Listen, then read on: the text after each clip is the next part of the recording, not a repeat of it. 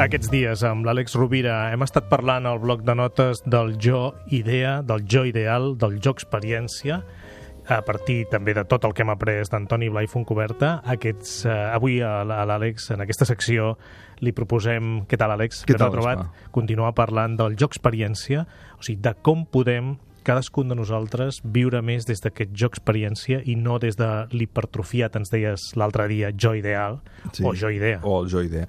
Clar, el jo experiència és um, ser conscients d'allò que vivim.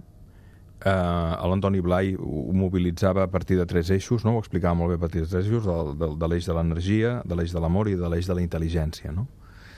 Quan parlem de l'eix de l'energia és prendre consciència d'allò que fem, de l'exercici físic, de la nostra, del nostre cos, de la presència del cos, de la presència en els processos de, de fer activitat, des de cuinar fins a dibuixar, caminar, prendre consciència de com es mobilitza la nostra energia, la nostra corporalitat, d'estar presents, per exemple, a l'hora de donar-nos de donar el nostre cos en una relació amorosa. El joc experiència es nodreix fonamentalment d'una part física, energètica, també d'una part emocional, viure les emocions, no negar-les, no mentir-les. En realitat, un dels grans eh, símptomes d'una patologia psicològica és la, els sentiments paràsits, és a dir, quan estàs trist sentir ràbia, o quan, o quan tens tristesa sentir també ràbia, no? Constatar les emocions com són, sense deformacions que han vingut donades per processos adaptatius que hem tingut que tenir al llarg de la vida, forçats normalment per figures parentals, no? A nivell, a nivell mental, el joc experiència passa per no fugir en falses realitats, per no refugiar-nos en les cabòries, en les fantasies. Quantes persones eh, tenen una imatge de si distorsionada perquè no són capaces de ser autocrítiques, per exemple, no? En la mesura en què la persona busca la veritat, busca la honestedat, busca la presència sense por. El gran problema és la por la por és la, la, és la, el, el, el jo idea neix en la por. El jo experiència neix en l'acceptació de lo que és. Aquesta és la gran diferència.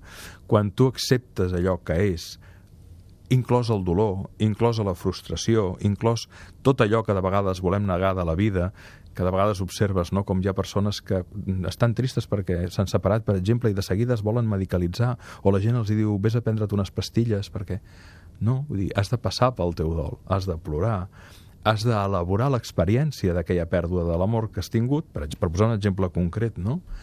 Um, I des d'aquesta acceptació es produeix un nodriment del joc experiència.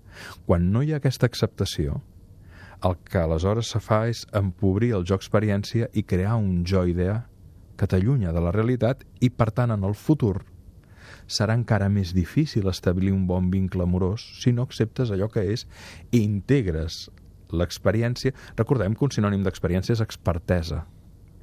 I ja que estem parlant de l'ofici de viure, només és l'experiència raonada la que ens fa experts. Deia Sèneca que mentre es visquis has d'aprendre a viure. I en aquesta frase és on es construeix el joc experiència.